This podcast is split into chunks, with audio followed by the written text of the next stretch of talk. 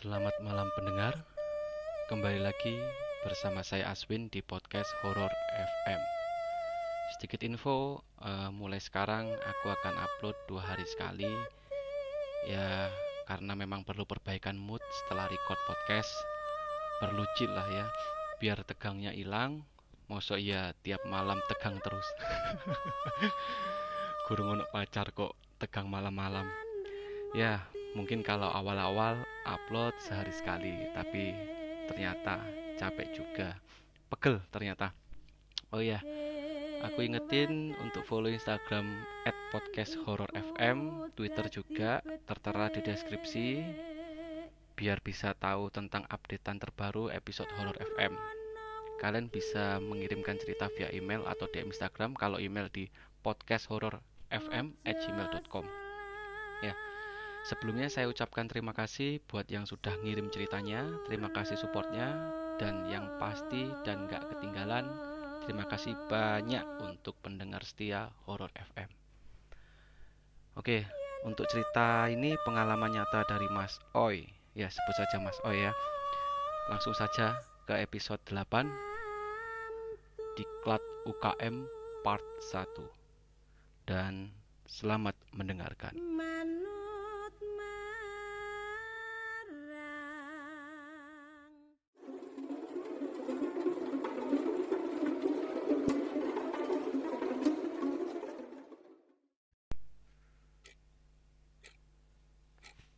Semua, sebut saja nama saya Mas Oi. Cerita ini bermula pada tahun 2012. Ketika itu saya masuk di salah satu universitas swasta di daerah Jawa Timur. Lebih tepatnya di kota S. Singkat cerita, saya mengikuti salah satu unit kegiatan mahasiswa di kampus tersebut. Biasa disingkat UKM dan mengikuti diklat yang dilaksanakan UKM selama empat hari. Di salah satu dari empat hari itu, ada diklat di luar daerah. Dan di situlah cerita ini dimulai. Hari diklat pun tiba. Hari pertama kegiatan waktu itu berlalu dengan biasa. Di hari kedua, kami diwajibkan menginap di kampus agar pagi dini hari, tepatnya pada hari ketiga, kami bisa berangkat ke villa di luar daerah sesuai jadwal. Sampai akhirnya kami tiba di salah satu villa di daerah Jawa Timur. Kami berkegiatan biasa di villa tersebut, ya seperti halnya bersenang-senang dan berkegiatan. Kegiatan pagi itu tak terasa sudah kami lewati dengan sukacita. Dan sampai akhirnya malam hari pun tiba. Ternyata di salah satu kegiatan kami ada istilah JJM atau jalan-jalan malam. Kami pun dibangunkan dan mempersiapkan barang-barang untuk JJM, seperti senter, tali, dan lain-lain. Kebetulan saya ditunjuk menjadi pemimpin regu di posisi paling depan. Pada saat itu, satu regu berisi 10 orang, empat cowok dan enam cewek. Tentu saja, kami yang cowok ada di depan dan dua di belakang, agar menjaga cewek-cewek di bagian tengah tetap aman. Kami adalah regu nomor dua yang berangkat Selang sekitar 4-5 menitan dari regu pertama, kami pun mulai berjalan dengan memegang tali sejajar di sebelah kanan. Ya, agar regu tidak terpisah, sebelumnya kami selalu diingatkan untuk berhitung untuk mengecek kelengkapan regu. Lalu, singkat cerita, masuklah kami ke hutan. Jelas berbeda setelah masuk hutan, sebagaimanapun beraninya kami, akan tetap ada rasa takut. Pasti akan merasakan bulu kuduk berdiri ketika memasuki daerah yang gelap dan asing. Apalagi masuk hutan. Saya pribadi tidak terlalu takut akan hal tak kasat mata. Saya takut akan binatang-binatang buas di dalam hutan tersebut. Kami berjalan mengikuti tanda yang disiapkan oleh panitia. Entah kenapa, langkah kami terengah-engah ketika kami semua memasuki salah satu kawasan sungai. Dan anehnya, di sinilah kami mulai mencium bau-bau yang wangi sekali. Seakan-akan kami memasuki kamar seseorang. Dalam hati, saya mulai merasa ketakutan. Karena saya pemimpin regu, saya harus memastikan anggota regu baik-baik saja. Tidak berkurang dan tidak bertambah. Mulailah saya menghitung dari saya nomor satu sampai teman yang paling belakang nomor 10. Kami ulangi sampai tiga kali. Teman di belakang sebut saja bernama Mumu tidak berteriak 10. Pada saat itu kami sangat kaget. Tiba-tiba ada suara parau terdengar dari belakang. Kami tidak berani menoleh semua, karena sebelumnya kami diingatkan untuk jangan pernah menoleh ke belakang. Namun saya khawatir dengan Mumu. Kami ulangi menghitung kembali. Mumu tidak menjawab. Kami terdiam, berdiri, terkujur ketakutan. Dan suara parau itu terus terdengar di belakang. Saya akhirnya memberanikan diri. Saya beralih ke belakang sambil menghitung dari depan. Sampai di belakang, ternyata pas di hitungan ke-10, Mumu masih di barisan. Tertunduk dan tidak menjawab sama sekali. Saya memberanikan diri dan menepuk pundaknya. Hei, dan Mumu terbangun. Ternyata Mumu tertidur. Sialan. Dan suara parau yang kami dengar itu adalah dengkuran dari Mumu. Namun satu hal yang aneh. Bau bunga ini semakin menyengat. Kami semua mencium bau tersebut.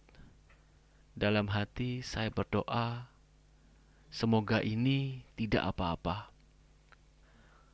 Saya berusaha tidak panik untuk menenangkan teman-teman satu regu. Lalu perjalanan kami lanjutkan. Kami semua bingung. Di sinilah saya mulai menyuruh teman-teman untuk berdoa, terutama yang cewek. Jangan sampai kosong pikiran. Dan akhirnya sampailah kami di muara sungai. Di situlah pusat bau ini terasa sangat pekat. Dan bau bakaran singkong kian merebak. Saya tahu bau ini tuh bau apa.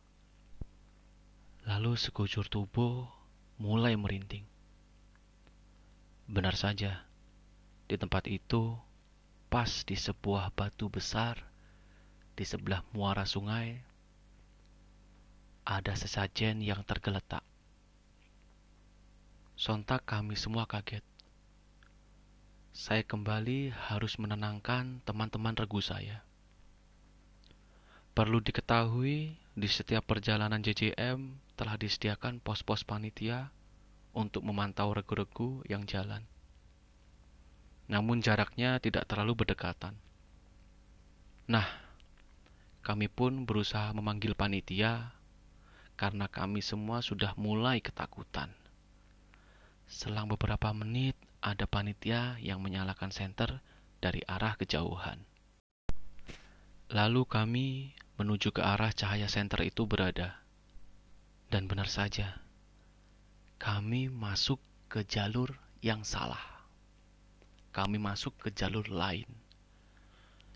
Keanehan mulai terjadi dan dalam hati saya berkata, Padahal sejak awal saya benar-benar mengikuti arah dari panah. Ah, untung saja masih bertemu dengan panitia. Gumamku. Karena kondisi kami masih di dalam hutan, kami semua tidak berani untuk cerita di pos itu. Nah, pos di kegiatan ini terdiri dari lima pos besar. Dan posisi kami sekarang berada di pos yang keempat. Dengan suasana teman-teman yang sudah mulai tidak kondusif, capek, mengantuk, dan ketakutan, kami pun terpaksa harus melanjutkan perjalanan. Kurang satu pos lagi pikirku. Pikiran kami semua sama. Oke, nanggung. Mending dilanjut saja. Kami pun melanjutkan perjalanan. Di sinilah hal yang tidak akan pernah saya lupakan. Tak jauh dari lokasi kita berjalan, Baru saja menjauh sekitar 500 meter dari pos 4, tiba-tiba secara mengejutkan kami semua mendengar suara orang yang sedang menyinden. Bagaimana bisa di hutan yang jauh dari pemukiman penduduk terdengar suara seperti itu? Di sini kembali saya ingatkan kepada teman regu untuk terus berdoa dan jangan sampai pikiran kosong. Jelas saja, saya takut terjadi hal-hal yang tak diinginkan. Karena tanggung juga sebentar lagi sampai pos 5. Dan mau balik pun sudah terlanjur di tengah. Suara sinden ini sayup-sayup terdengar semakin jelas. Ya Tuhan, ini adalah suara yang tidak ingin saya dengarkan di dalam hutan. Dalam hati saya hanya bisa bilang, "Permisi, kami tidak mengganggu. Kami hanya lewat. Maaf." Suasana mulai mencekam saat itu. Saya baru ingat seharusnya regu pertama ada di depan kami. Jarak sekitar 4 sampai 5 meter pasti kelihatan senternya. Tetapi mungkin karena tertutup pohon-pohon di hutan, jadi tidak kelihatan. Bulu kuduk sudah tidak karuan. Merinding yang amat sangat kami rasakan. Kami semakin menjauh tidak mendengarkan lagi suara sinden tersebut. Namun kami masih merinding. Saya bertanya-tanya mencoba memastikan dari mana asal suara tersebut. Tidak ada dari kami yang mengetahui dari mana suara itu berasal. Sampailah kami di suatu tempat yang lapang, agak terang oleh cahaya bulan. Ah, saya merasa tenang saat itu. Kami pun istirahat, minum, dan duduk sebentar. Tidak ada dari kami yang berani memulai pembicaraan tentang hal yang kami alami tadi. Saya duduk sebentar, kemudian di sela-sela semak-semak, saya melihat dengan jelas sekali anak kecil bertelanjang dada. Kala itu saya lupa ada di dalam hutan saya sontak memanggil anak itu, Dek, mau ke mana? Anak itu lari di antara semak-semak. Saya terbangun dari duduk dan mencoba mengejarnya. Namun, kembali ingat, ini di dalam hutan. Tidak mungkin ada anak kecil main tengah malam di dalam hutan. Seketika saya terdiam kaku dan dada terasa sesak karena ketakutan. Sebisa mungkin saya mengajak teman-teman untuk pergi. Jalan kembali dan kami mulai berhitung lagi. Dirasa pas, kami jalan kembali. Teman-teman pun bingung. Tadi itu saya melihat apa? dan saya tidak mau cerita. Karena ini kawasan yang mereka huni. Jadi, mungkin saja mereka sedang memperhatikan kami semua. Badan saya sudah mulai terasa sangat berat sekali. Mungkin karena lelah berjalan, namun karena hal yang barusan saya lihat. Semak-semak sekali dua kali bergerak-gerak di pinggir kami. Dalam hati, ya Tuhan, tolong lindungilah kami. Karena mungkin saja itu juga hewan buas. Pikiran sudah mulai tidak fokus. Dengan rasa ketakutan, kami tiba-tiba masuk di suatu kawasan yang hanya ada satu pohon besar dan rumah terbengkalai di sana. Dan bersambung di part berikutnya. Oh, tunggu ya untuk part selanjutnya. Terima kasih banyak sudah mendengarkan yang part 1.